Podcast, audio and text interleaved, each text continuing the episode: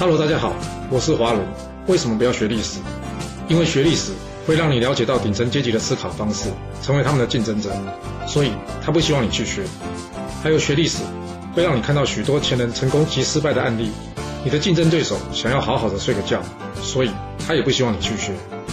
最重要的是，学历史会让你了解人性，你的老板以及同事都希望你保持天真的心，所以他们更不希望你去学。就是因为这些原因，接下来我要跟你说的是故事，而不是历史。今天主题是企业家的责任。常常听到“企业家的责任”这句话，那你有没有想过，企业家的责任到底是什么？其实我们可以用古人“三纲五常”中的“三纲”啊来做解释。三纲什么？就是君臣父子夫妇，什么意思啊？简单来说。就是做什么角色呢？就把那个角色的本分做好。这样讲好像没答案呢。之前呢，我有一位主管在开会的时候说，一位经销商老板对他说，他应该要尽企业家责任啊，照顾这些经销伙伴们的生意啊。他用嘲笑的口吻回答说：“什么企业家责任啊？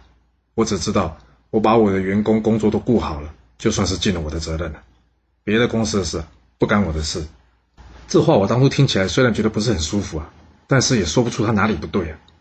你可以说他度量不大，气度不高，眼光不远，但是回头想想看，有多少老板能真的做到这句话？就是我把我员工的工作都顾好了。对外他是企业的老板，你可以说他应该要提供良好的产品或是服务，促进社会的进步，这算是企业家的责任。基本上我们公司的产品还算符合上述标准。但对内呢，他的位置是老板，他的责任到底是什么呢？我想，他说的并没有完全错哎，他只要把员工的工作都顾好了，就算是尽责了。至于其他伙伴公司的状况，就不在他考虑的范围之内了。当然，这样的解释或许有点狭隘，因为维持伙伴的状况对于企业长久的经营是有助益的，而长远来说呢，他才能把员工工作顾好这件事呢持续长久。而不是只顾好今天，不管明天呢？就像春秋时期宋国与楚国大战于洪水这件事吧。宋国司马公孙固建议这宋襄公啊，楚国轻敌啊，竟然等到天亮才慢慢过河，我们应该要趁他们还没有完全渡过河的时候呢，在河中给予他沉重的打击。但是宋襄公认为偷袭对手有失仁义的作风。后来楚军过河，布阵尚未完成，公孙固再次建议宋襄公啊。趁敌方阵脚不稳，我们进行攻击。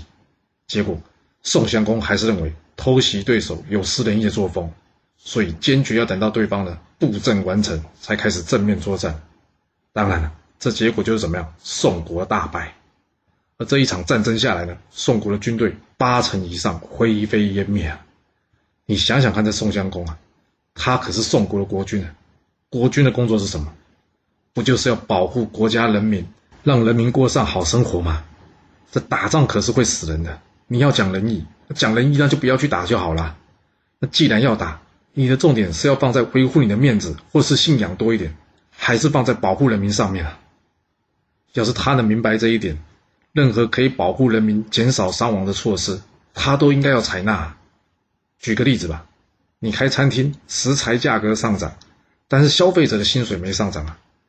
你要吸收食材上涨的成本回馈给消费者，让餐厅倒闭、员工失业，还是因应环境适当的调整价格，让餐厅能继续经营下去？